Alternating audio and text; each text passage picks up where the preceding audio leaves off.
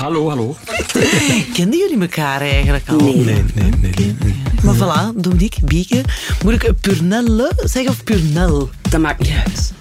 Dit is Groot Gelijk, een podcast van De Standaard, waarin twee redacteurs debatteren over een hot topic. Ik ben Dominique Minte, buitenlandredacteur van De Standaard. Ik ben Bieke Purinelle, columniste bij De Standaard en Mo Magazine. De vraag die vandaag op tafel ligt. Keren we het WK in Qatar de rug toe? Nee, dat kunnen we niet meer doen. Daarvoor is het te laat. Maar het gesprek erover is wel de moeite. Ik ben Marianne Justaert. Groot Gelijk dat je luistert. Mag ik beginnen? Dit is Groot Gelijk.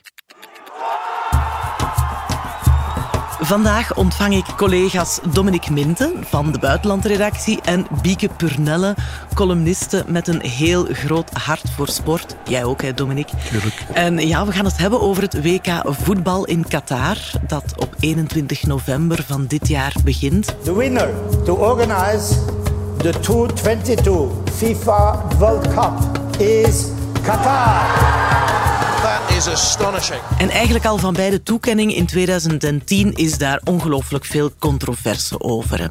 Omdat Qatar ja, een zakdoek groot is, een kleine zandbak, zeggen ze. Het is geen echt sportland, het is er veel te warm, vandaar dat het WK in de winter gehouden wordt.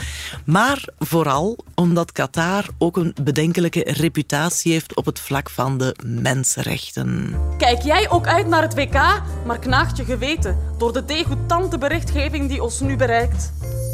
Dan is er nu de schaamteproef supporterset van de Belgische Voetbalbond. Maar met deze tricolore oogkleppen is het probleem zo van de baan. Dan kan ik van de match genieten zonder mij iets aan te trekken van de moderne slavernij. Dat was een fragment uit het satirische tv-programma De Ideale Wereld. Toen de Britse krant The Guardian vorig jaar had uitgebracht dat er sinds de toekenning van het WK in 2010 minstens 6500 gastarbeiders zouden gestorven zijn in Qatar. Nu, die dodelijke slachtoffers, een gemiddelde van twee per dag, dat is niet weinig. En de krant was op dat cijfer gekomen op basis van de overlijdensactes die vijf landen van herkomst hen hadden verstrekt. Een paar landen hadden geen overlijdensactes gegeven, dus het werd direct ook een onderschatting genoemd. En het cijfer werd ook wel echt gelinkt aan de bouwkoorts in Qatar sinds het WK was toegewezen. Het cijfer werd wel meteen op de korrel genomen, omdat die doodsoorzaak nooit zwart op wit bewezen was. Maar feit is dat The Guardian toen wel het hele protest tegen het WK of het debat rond nieuw leven heeft ingeblazen. Niet waar, Dominique Minte? Jij hebt er toen zelf over geschreven ook, hè? De verontwaardiging die toen gegroeid is, is eigenlijk een beetje uit de context gerukt. Dat is mijn bezwaar tegen het feit dat dat plotseling opnieuw naar boven is gekomen. Dat, dat die roep naar die boycott toen opnieuw begonnen is. Ik vond dat een beetje hypocriet. Ja, aan de andere kant zijn er ook talloze bewijzen van de slechte arbeidsomstandigheden, getuigenissen ook van arbeiders ter plaatse. Daar mogen we Qatar dan misschien ook niet mee laten wegkomen, hè, Bieke? Maar misschien is dat ook niet de meest relevante vraag. Hè. Is het, doet het er eigenlijk heel veel toe of die mensen in vreselijke omstandigheden werken en dus vroegtijdig sterven door de bouw van een stadion? Of gaat het erom dat we dit soort grote evenementen organiseren in landen waar over het algemeen de arbeidsomstandigheden ondermaats zijn en dus mensenrechten worden geschonden? Ja. Is dat verband per definitie zo essentieel? Ja. Dat vraag ik mij af. Ja, en daarvan zeg jij, sport valt niet los te koppelen van politiek, hè? Nee, natuurlijk niet. Eh, dat heeft het ook nooit gedaan. Hè?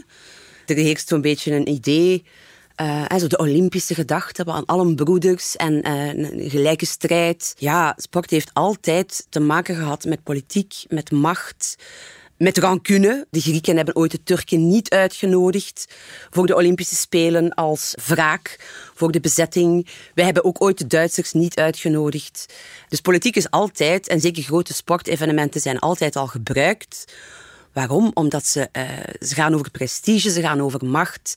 En er is altijd invloed van de politiek. Absoluut. Maar anderzijds denk ik dan ook van, heeft het dan nog wel zin om boycotts in te stellen? Die hebben eigenlijk nooit gewerkt, denk ik. Eigenlijk de echte boycotts, er zijn er een paar geweest, die, maar die dateren inderdaad al van 1980 bijvoorbeeld, Moskou. Dat was volle Koude Oorlogtijd. De Amerikanen zijn toen niet willen gaan. eh, Maar heeft dat nu een verschil gemaakt? Heeft dat het communistische regime ten val gebracht? Absoluut niet. Uh, ik denk ook niet dat men in Moskou daar echt wakker van lag. Ja, dus daarom, ik vind boycotten altijd een beetje een, een raar. Nee, jij zegt eerder van laat sport sport zijn. Ja, ja. In plaats van de landen te boycotten die de mensenrechten schenden. Als we dat gaan doen, ja, dan wordt het eigenlijk heel moeilijk om nog landen te vinden waar we nog sportevenementen kunnen organiseren. Ja. Er is zelfs kritiek op, op, op de Olympische Spelen in Japan, want ja, Japan mhm. dat doet toch mhm. ook wel rare dingen soms. En, en, mogen we dan nog in, in Frankrijk een toernooi organiseren? Want, uh, ja. Rusland, China. Rusland, China. Uh, maar ik zeg, de Frankrijk, de foie gras, dan misschien, dat is toch ook niet wat ze daar allemaal... Uh, dat is ook allemaal niet heel kosher wat ze daar doen. Dus het, het wordt soms wel op flessen getrokken, som, denk ja. ik. Ja, ben het daar niet helemaal mee eens. Het ligt er maar aan wat je verwacht. Als de verwachting is dat een boycott of zelfs maar een internationaal debat over een mogelijke boycott onmiddellijke impact heeft op beleid ter plekke, ja, dat lijkt mij een heel, heel ambitieus plan. Dus nee, dat gebeurt zelden. Maar ook het feit dat een boycott op tafel komt, voedt de discussie. En je merkt toch wel dat landen daar zeer gevoelig voor zijn. Want heel vaak zijn grote sportevenementen ook een uitstekend middel om het imago op te poetsen. Ja, um, sportswashing ja, eh, noemt men dat dan. Ja. Maar mag ik daarop aan toevoegen? Sportswashing, oké, ik ben het mee eens. Maar anderzijds, ik denk dat Qatar een voorbeeld is van hoe die toekenning van dat WK aan, aan dat land de arbeidsomstandigheden voor die mensen heeft verbeterd. Geef eens een voorbeeld. Wel, ik heb vorig jaar nog gesproken met de voorzitter, of de secretaris-generaal was dat, van de internationale organisatie van arbeiders die in de bouwsector werken. Dat is een Filipijn. En die trekt zich het lot, heeft zich van meteen het lot aangetrokken van al die arbeidsmigranten die daar in Qatar aan die, in die stadions bouwen. En die zei mij tot mijn verbazing eerlijk gezegd van nee, we mogen, dat, we mogen Qatar nu niet meer gaan boycotten. Die arbeiders willen dat eigenlijk ook mhm. niet. Die zijn fier op die stadions die ze gebouwd hebben. Dus als we dat nu, die, stadions daar blijven leegstaan, dan zouden ze vinden dat, dat, dat hun werk voor niks is geweest. Als je de lijst bekijkt van wat er in die voorbije tien jaar in Qatar is gebeurd, dan moet je toch toegeven dat daar stappen vooruit zijn gezet. Ze hadden daar bijvoorbeeld het kafala-systeem. Uh, Dat is een soort van middeleeuws systeem waarbij arbeidsmigranten om te mogen komen werken in, in Qatar moeten een, een sponsor hebben ter plaatse. Ja. Uh, die moet hen uitnodigen. Ze moeten dan ook een paspoort aan hen geven. En eigenlijk worden ze dan een beetje opgesloten in dat land. Ze, mogen, ze, kunnen niet meer zomaar vertrekken. Ze kunnen ook, moderne slavernij, was zeg maar, of toch minstens ja, lijfeigenschap. Ja, ja, Dat, daar lijkt het wel heel erg op. Dus een absoluut verwerpelijk systeem. En dat is twee jaar geleden afgeschaft. Is daarmee alles beter geworden? Zeker die werkgevers ter plaatse, die blijven soms toch wel moeilijk doen als een, als een arbeider van, van werk wil veranderen. Maar toch, er is een stap gezet. Ook de lonen zijn flink omhoog gegaan. Dus die arbeiders die daar werken in die stadions, die die stadions bouwen, die worden niet slecht betaald. En daar onze westerse blijft dat dan wel toch een peanuts. Maar als je dat vergelijkt met wat ze kunnen verdienen in andere landen in de regio, is dat, is dat heel goed. Ja. Ook de vakbonden kunnen daar on, min of meer normaal mhm. werken. Ja. Dus toch, dat, is, dat zijn door toch die schijnwerpers op Qatar. door die schijnwerpers op Qatar. En de discussie. want de schijnwerpers maken net dat het zinvol is en dat NGO's zoals Amnesty uh, het ook de moeite vinden om de discussie aan te wakkeren. Want als die discussie er niet is, ja, dan verandert er niks. Dus het is beide. Hè. De schijnwerpers worden gewoon als activistisch middel gebruikt om die mensenrechten of die verbetering van die mensenrechten ook af te dwingen. Dus dat is wel zinvol. We trokken zoals altijd de straat op om eens te horen hoe de mensen denken over het WK in Qatar. Je zijn vooral geïnteresseerd ons het ligt in, ja, het ligt in onze interessesfeer. Het tweede ligt natuurlijk in de lijn. Ja, Qatar is zo precies het, het summum nu, hè, als die streek. I would like to go, but let's see if it's gonna happen actually, the world champion. Ja, ik vind het wel een beetje niet echt ethisch. Maar um, tegenwoordig geld en alles. Zeker in voetbal en sport. Zo is, is, het feit van samenwerken met landen die de mensenrechten schenden geen, geen uh, goed idee, omdat je daarmee als, je als land daar niet tegenin gaat. Voor mij is dat bijna een goedkeuring dat er mensenrechten geschonden worden. En op dat vlak heb ik het er dan wel moeilijk mee. Uh. Ook in voetbal, fairplay is gelukkig al zover dat er uh, racisme niet meer aanvaard wordt. Maar ik vind dat die lijn nog wel mag doorgetrokken worden en dat de mensenrechten schendingen ook uh, kritisch naar gekeken mag worden. Ja, sowieso ga ik daar wel naar kijken. Alors pour moi, on pourrait boycotter. Je trouve que ça serait un bon signe euh, en matière de droits humains et de respect de l'environnement dans, dans le monde du sport pour dire non, on n'est pas d'accord avec ce qui se passe. Ik vind de uh, keuze voor Qatar een beetje vreemd, maar uh, het is natuurlijk een sportief evenement en in die zin denk ik dat het moet doorgaan. Maar ik vind het wel een evenement dat we moeten blijven gebruiken om alle wantoestanden eigenlijk aan te klagen die daarbij, die daarbij zijn komen kijken. We have to do more things there so they can have more choice and open mind than to keep in Europe because if we let them alone it's going to go down and down. Eigenlijk helpen ze Qatar niet door weg te blijven. Ze moeten er naartoe gaan en duidelijk hun gedacht zeggen. Dat ze uiteindelijk de vrijheid in Qatar voor zeker en vast de vrouwen, om zelf te gaan werken, om met de auto te rijden en dergelijke meer, dat ze dat moeten aanklagen. Het is zodanig groot, een groot event dat, dat gaat niet veel tegenhouden. Ik vrees ervoor.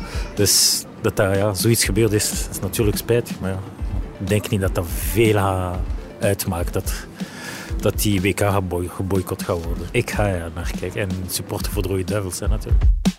Ja, wat voor mij een beetje ontbreekt, hè, we hebben het over mensenrechten. Een van de dingen die ik kwam mis in het debat en die er bijvoorbeeld bij elk groot sportevenement en met name uh, wereldkampioenschappen voetbal in het bijzonder, hebben een tastbaar effect op vrouwenrechten. En niet alleen in Qatar of Saoedi-Arabië, maar overal ter wereld wordt er dus een, een significante verhoging opgetekend van het aantal gevallen van huiselijk geweld. Bij elk groot voetbalevenement is dat zo. En ik hoor daar altijd heel weinig over. Dus ik vraag me dan af, ja, dat zijn ook mensenrechten eh, waar we het anders niet over hebben. Ja. Allee, er is meer dan alleen maar de rechten van de arbeiders die stadions bouwen. Ja. Het gaat veel ruimer dan dat. En we zijn nu allemaal heel scherp voor Qatar en terecht natuurlijk. Maar er zit ook wel iets hypocriets in. Hè. Er zijn ook in de geschiedenis al Olympische Spelen of grote sportevenementen geweest in uh, niet-totalitaire regimes. Uh, Londen, Vancouver, uh, Rio. Waar ook mensenrechten schendingen zijn opgetekend. In Rio zijn er meer dan 70.000 mensen uit hun huizen gezet. In elk geval, overal was er sprake van een inperking van het demonstratierecht, van verhoogd politiegeweld. Dus die grote sportevenementen hebben altijd en overal wel een beetje dat effect. Dus om nu te denken dat we allemaal met scherp moeten schieten op alleen maar Qatar en dat dan uh, elders ter wereld in het o zo verlichte Westen alles geweldig loopt, ja, dat is ook niet zo. Dus als je bezorgd bent over die mensenrechten en uh, de link met grote sportevenementen, dan moet je wel wat ruimer kijken dan mm. dat. Ja.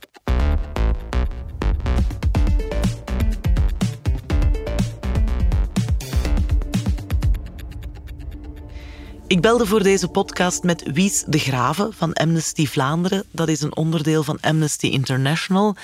En die mensenrechtenorganisatie volgt de situatie in Qatar al sinds 2010 nauw op.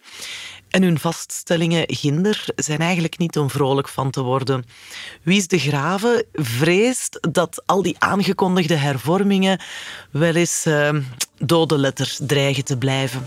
Wat we zien is dat die hervormingen op papier de toets van de realiteit niet doorstaan. Die hervormingen die worden op het terrein niet toegepast, ze worden niet afgedwongen en ze worden niet gecontroleerd. Nog pas in 2020 hebben wij een nieuw rapport uitgebracht, waar we eigenlijk op basis van, van ons onderzoek hebben vastgesteld dat arbeiders van een bouwfirma die aan het Al Bayt stadion, een van de, van de stadions voor het WK aan het werken zijn, dat die maandenlang, tot zeven maanden lang niet uitbetaald werden en dat hun verblijf verblijfsvergunningen uh, achtergehouden werden door de bouwheer. Hè. Dat was dan toch een van die officiële, zogezegd zeer gecontroleerde uh, bouwfirma's die bij het WK betrokken zijn. Dus dat ook zelfs daar de wantoestanden uh, blijven bestaan en onvoldoende aangepakt worden. En dat wijst er voor ons op dat nog de FIFA, nog de Qatarese overheid de situatie ernstig genoeg neemt. En eigenlijk voor de galerij soms een aantal veranderingen en, en engagementen uitspreekt, maar die te weinig doorduwt in de praktijk, die te weinig controleert. En waar Amnesty zich ook heel veel zorgen over maakt, is de opsluiting van Abdullah Ibhais. Dat is een voormalige communicatiemedewerker van het WK het WK voetbal. En die uitte kritiek op de gang van zaken, op de wantoestanden daar. En kreeg daarvoor vijf jaar cel tijdens een oneerlijk proces. Dat zeggen de mensenrechtenorganisaties althans. En die case doet hen natuurlijk nog meer vermoeden dat het uh, met die hervormingen allemaal niet zo goed gesteld is. De arrestatie en de behandeling van Abdullah is denk ik een symptoom van de mensenrechten situatie in Qatar. En is eigenlijk wel belangrijk om in rekening te brengen, omdat het dus niet alleen over de situatie van arbeidsmigranten gaat. Er zijn nog veel andere bezorgdheden als het over mensenrechten gaat in Qatar. Ik denk aan de vrijheid van meningsuiting, ik denk aan vrouwenrechten, ik denk aan het gebruik van de doodstraf enzovoort. En je ziet natuurlijk dat, uh, en in deze case lijkt het heel hard daarop te gaan, om te gaan, hè, om, om vrijheid van meningsuiting.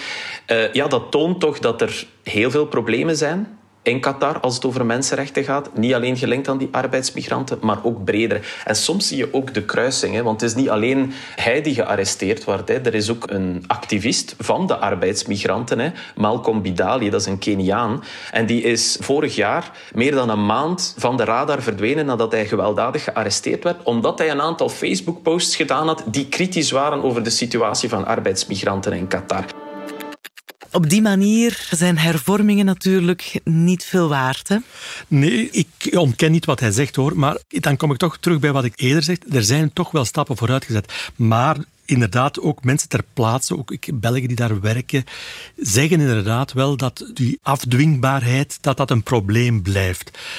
En de vraag is zelfs van, als het WK eenmaal gespeeld is en als die schijnwerpers wegvallen, misschien wordt het dan weer opnieuw erger voor die, voor die arbeidsmigranten. Dat is een gevaar dat inderdaad, ja, dat, ga ik, eh, dat, dat blijft bestaan. Ja. Ja, maar ja, moet je dat koppelen aan dat WK? Dat vind ik een beetje hypocriet dan op, opnieuw weer. Bovendien, zelf blijven natuurlijk wel gewoon handel drijven met de Qatarese overheid, gas invoeren, ondanks onze grote morele verontwaardiging ja, moeten wij onze handelsrelaties met Qatar opschorten? Dat zou wel pas druk zetten zijn. Hè? Ja, of dat nu met Qatar is, uh, met Saoedi-Arabië, ik bedoel Afghanistan. er zijn landen genoeg waarmee we een toch wel uh, bedenkelijke handelsrelaties hebben. En waarin we eigenlijk nooit druk zetten op de situatie ter plekke in zaken mensenrechten op dat vlak zijn we ook heel hypocriet. Hè. Zijn, zijn ook onze, onze regering heel, heel hypocriet. Als ze echt iets willen, als ze echt willen druk zetten op, op landen, ja, dan gaan ze echt in de, in de ja, aankoop van, van het gas uh, iets moeten doen. Dat zou pas uh, gevolgen hebben, denk ik. Of toch, dat toch meer indruk maken. Maar ja, dat snijden we in ons eigen vel en dat, dat willen Tuurlijk, we ook weer en dat niet. doen we dan ook weer niet. Hè? Ja. ik denk alleen Nederland is even zo ver gegaan om een handelsmissie op te schorten een handelsmissie uit te stellen. Uit te stellen ja. Maar ja. En dat misschien Ja, zelfs of- meer met corona te maken dan Ja, of eh, regeringsleiders die dan niet aanwezig zijn op de openingsceremonie. Ja, maar goed, absoluut. who cares? Ja, who cares, Ja. inderdaad. Ja, zelfs Amnesty International is geen vragende partij voor een boycott. Ook al eh, klagen zij de wantoestanden al tien jaar aan. Maar eh, ze willen wel dat er signalen worden gesteld. We luisteren nog eens naar Wies de Graven. Waarom we niet expliciet oproepen tot een boycott, is natuurlijk omdat we denken dat het WK vooral moet aangegrepen worden om de situatie op het terrein te veranderen. En voor ons is dat het belangrijkste, dat er verantwoordelijkheid genomen wordt eh, voor mensenrechten en dat de FIFA en de wereld en elke voetballer en elke supporter die bij het WK betrokken is, niet meedoet aan wat men noemt sportswashing. En dat moeten we ten alle prijzen ver- vermijden. En dat betekent concreet dat de FIFA druk, veel meer druk moet blijven zetten op de Qatarese overheid om in realiteit eh, de nodige structuren, controlemiddelen enzovoort op te richten om de situatie te verbeteren. En vooral ook zelf heel goed moet opleggen, letten dat het niet rechtstreeks bijdraagt aan mensenrechten schendingen. Hè. Zoals bij de bouw van de stadions, maar bijvoorbeeld ook in de hotels die gebruikt worden, de veiligheidsfirma's die gebruikt worden enzovoort. En voor ons mag daar echt een tand bij gestoken worden. Hè. Voor ons hanteert de FIFA nog steeds toch zeer fluwelen handschoenen als het over Qatar gaat. Ook de FIFA zelf heeft in 2017 een, eh, zijn engagement aangegaan met de zogenoemde mensenrechtenverklaring. En dat is natuurlijk allemaal heel mooi en wij juichen dat toe. Maar het moet vooral zijn weerslag krijgen in de praktijk ook. Dus ik denk dat we niet mogen ons een, een individueel schuldgevoel laten aanpraten als het over dat WK gaat. Ik denk dat we onze stem moeten gebruiken om zij die verantwoordelijk zijn, zij die de macht hebben, zij die de verandering kunnen creëren, extra onder druk te zetten om dat effectief te doen. De FIFA. Het is aan de FIFA om er iets aan te doen. Ik zie jullie nu allebei heel hard knikken. Ja, maar als we op de FIFA moeten rekenen om een betere wereld te creëren, dan uh, vergeet het dan maar. Hè. Dus dat is een van de meest uh, rotte organisaties die er bestaan trouwens, de meeste van die... Nog altijd? Ja, ja. ja tuurlijk. Dat. Ja, Sepp Blatter is dan wel weg, maar uh, zijn opvolger vind ik niet veel beter. Hè. Dus nee, dus, uh, al die, die sport, grote sportorganisaties, die zijn door en door ay, corrupt. corrupt. corrupt. ja. We moeten daar Ontransparant. On, ja, ja. Heel eenzijdig samengesteld. Ja. Um, dat geldt net zo goed voor het IOC, hè, trouwens. Um, want beiden hebben inderdaad in 2014 en 2015 respectievelijk mensenrechtenclausules opgenomen in hun beleid. Hè? Ja. En dat, waarbij zelfs wordt gesteld dat mogelijke schendingen van de mensenrechten gecompenseerd zouden moeten worden. De slachtoffers zouden moeten gecompenseerd worden. Ja, waar is dat al ooit gebeurd? Weet iemand het? Nee, natuurlijk niet. Dus je kan dat allemaal opnemen, je kan die clausules uh, zwart op wit zetten en daarmee zwaaien. Maar als je die niet naleeft, is dat gewoon dode letter. Nu, ik, ik, ik geef het IOC nog, schat ik iets hoger in qua morele waarde dan, dan de FIFA. Ik vind de FIFA echt wel op een bedenkelijk niveau acteren. Er zijn de voorbije jaren zoveel internationale sportleiders in opspraak gekomen. Ja. Veroordeeld zelfs. Daar is, corruptie was daar schering en inslag. Is dat beter geworden? foute leiders zoals Poetin, maar ook de leiders in de Verenigde Arabische Emiraten of, of, of in Saudi-Arabië die gebruiken die sportbonden ook. Die geven daar heel veel geld aan. Die sportbonden zijn eigenlijk een beetje afhankelijk van hen. Dus hoe gaan die ooit zichzelf transparant maken? Nee, dat geloof ik echt niet. En kunnen we dat beïnvloeden van onderuit? De FIFA is beginnen reageren tegen racisme, tegen homofobie. Toen dat, dat ook eh, vanuit de spelers een signaal kwam. Het is genoeg geweest. Nu zie je voetballers massaal knielen op het veld en zo. Of de Noorse voetbalploeg die in, uh, uh, in shirts speelt met opschriften om de mensenrechten af te dwingen. Ook in Nederland ging men een statement maken enzovoort. Is het aan de spelers? Moeten zij zich uh, massaal beginnen uitspreken tegen? Of? Dat is wel makkelijk natuurlijk, hè? want de spelers, los van het feit dat ze waanzinnig veel geld verdienen en PR-gewijs natuurlijk een heel groot bereik hebben, zijn zij niet degene die de macht hebben. Dus het is heel makkelijk om het af te pendelen op de spelers. Anderzijds, ja, je mag ook de macht van de spelers niet onderschatten. Nee, en dat zie je ook. Nu, spelers zijn mensen met, met eigen ideeën, die zijn niet neutraal. Dus dat protest van spelers, dat zal er altijd zijn en dat zal ook zo blijven. Wat je hebt, is wel de jongste jaren een verhoogde gevoeligheid voor die thematieken. En dat zien zij ook. Ja. En dus laten we wel wezen, als men intussen een klein beetje opschuift naar, bon, we moeten toch de mensenrechten ernstiger nemen, heeft dat heel veel te maken met PR.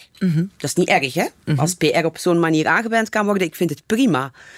Maar zij voelen ook, dat de geest gaat niet meer uit de fles. Als het over racisme gaat en seksisme gaat en over homorechten, die geest gaat niet meer uit de fles gaan. En dat weten zij ook. Ja. Nu, ik blijf ook wel het probleem hebben met de moraliteit van veel voetballers. Ze knielen dan wel op het veld tegen racisme en dat is allemaal best te, prijzen. Maar tegelijkertijd vliegen ze dan allemaal naar Dubai, waar ze dan in een chic restaurant een stek gaan eten van 1000 dollar, die belegd is met bladgoud. Ja, dus waar is moraliteit dan? Ja, ik vrees ook een beetje dat je moraliteit altijd in het gedrang komt als je zo waanzinnig veel geld verdient en dat dat gewoon niet meer gezond is voor je blik op de wereld. Ja. Maar een wereld waar ze ook van afgeschermd worden. Absoluut, ja, ze leven in een verknipte wereld. Hè. Dus dat, dat is... Dus de hele, allee, heel de moraliteit van het voetbal op elk niveau staat toch echt wel in vraag, lijkt mij.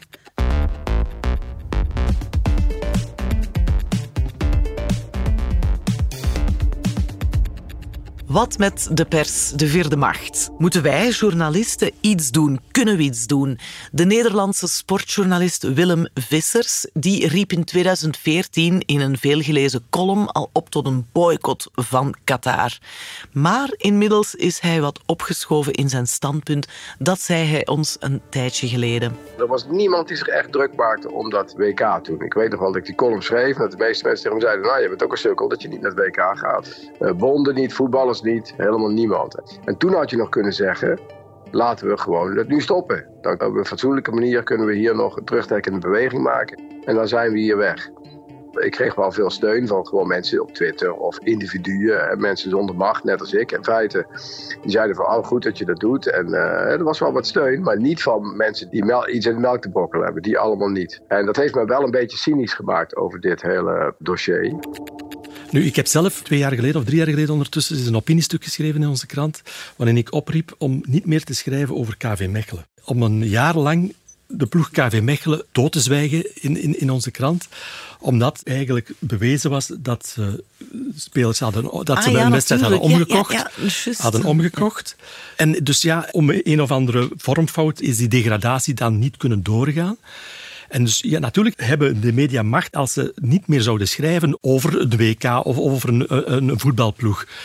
Het is één keer echt gebeurd. Dat zijn de Duitse openbare omroep, de ARD, heeft uh, begin jaren 2000, als ik me niet vergis, uh, beslist om de Tour niet meer uit te zenden. Een aantal jaren lang hebben ze dat consequent gedaan. Na de dopingschandalen. Na de dopingschandalen ja. met Ulrich onder andere ook. Ja. En ja, daar zijn ze wel wakker van geworden ook. Hè. Dus als, als, als wij, de media, geen forum meer geven aan, aan, aan de sport, ja, dat, dat voelen ze ook natuurlijk direct in, in, de, in hun inkomsten, in hun publiciteit. Nee, natuurlijk hebben wij wel wacht. Maar ja, ook wij zijn natuurlijk een beetje hypocriet. Hè. Dus, uh, maar moeten we meer doen, Wij houden ook van sport. Kunnen we meer doen? Ja. Moeten we meer doen? Ik denk dat we, ik, eigenlijk vertrouw ik daarvoor meer op de politieke journalisten dan op de sportjournalisten. Mm -hmm. Want wij hebben het hier over mensenrechten. En ik vind dat over sport schrijven en over de impact van sportevenementen op mensenrechten, dat dat niet uitsluitend aan sportjournalisten toekomt, maar misschien zelfs beter van niet. Ja. Maar ik hoor jou wel zeggen, blijven overschrijven. Tuurlijk. Geen uh, cen allez, censuur is er niet echt, maar niet negeren. Natuurlijk, Absoluut. je moet de ja. schandalen blootleggen. Ja. Absoluut, ja. Natuurlijk, daar moet je over blijven okay. berichten. Zeggen als kijker, als wij nu als voetbalfans of sportliefhebbers echt massaal beslissen om het gewoon niet te volgen, kunnen wij een invloed hebben. Dat hebben we wel een invloed, Afgelopen ik, week ja. zei de bekende advocaat Walter Dame, die naast strafpleiter ook bestuurder is bij Beerschot, de voetbalploeg, en bij de Pro League, dat hij dus echt consequent wou zijn en het WK niet zou volgen. Ja, daar word ik dus lichtjes onpasselijk van, van, van die uitspraak van Walter Dame. Als Walter Dame consequent is, dan stapt hij op als vicevoorzitter van Beerschot, want Beerschot is voor 75% in handen van een Saoedische prins. En in Saudi-Arabië worden de mensenrechten nog iets meer geschonden dan in Qatar. Nee, daar word ik nee. Dat, dat is wel een hypocrisie ongekend, vind ik dat. Ja, je schuift de verantwoordelijkheid gewoon naar de sportliefhebber toe. Dat is toch compleet van de pot gerukt. En dus eigenlijk moet ik dan tegen mijn zoontje van 12 zeggen: we gaan niet kijken, schat, want de mensenrechten in Qatar worden geschonden. Ja, mijn kind heeft daar geen enkele verantwoordelijkheid voor. Ja. Dus nee, druk zetten en vooral heel veel over schrijven, maar wel op een integere manier. Ja, maar jullie kijken. Ik zal niet anders kunnen met mijn kind in huis. Maar ik heb ook naar het WK wielrennen in Qatar gekeken. Met al mijn bedenkingen. Omdat ja. ik vond dat dat daar niets te zoeken had. Mm -hmm. ja. mm -hmm. Het was van in het begin een bezopen idee om dat WK daar te houden. Absoluut. Eigenlijk hadden we toen... Ay, ja, toen het zou misschien nu niet meer gebeuren. Misschien niet. Ja, misschien Intussen niet. is er... Het is tien jaar geleden ja. toegewezen. Ja. ja. Intussen zijn er wel een aantal dingen verschoven. Dat merk je wel.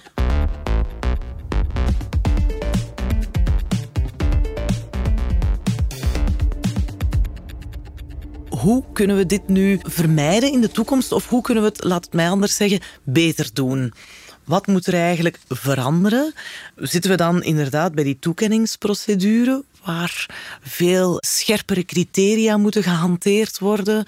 Moet er iets veranderen binnen de FIFA? Sportbonden reorganiseren. Heel drastisch. Ja, ja, maar daarbij blijf ik een beetje pessimistisch over dat dat ooit gaat lukken. Dus ja, dat zijn privéorganisaties. Ja, dat is exact het probleem. Nee, er is geen controle. Op. Ja, kan de VN daar een toezichtsfunctie inhouden? Ik, ja, wie anders? Ja, wie anders, inderdaad, wie anders. Dus op zich is dat de enige instantie die dat zou kunnen doen, maar ik geloof daar eerlijk gezegd niet en daar ben ik een beetje te cynisch voor geworden, ja. uh, dat zij dat, dat ooit gaan kunnen. Ja, er gaat ook, blijft zoveel geld in omgaan. Die invloed ja. van de sheiks en van de, de Russische oligarchen is zo immens. Als je kijkt naar alle de topclubs in Europa, die zijn in handen van, van -hmm. Foute mensen. Maar als je al ziet hoe wij hier, hier niet in slagen om die hele discussie over de fiscale voordelen voor voetballers. Ja. En dat blijft maar rondgaan, terwijl dat van een evidentie is.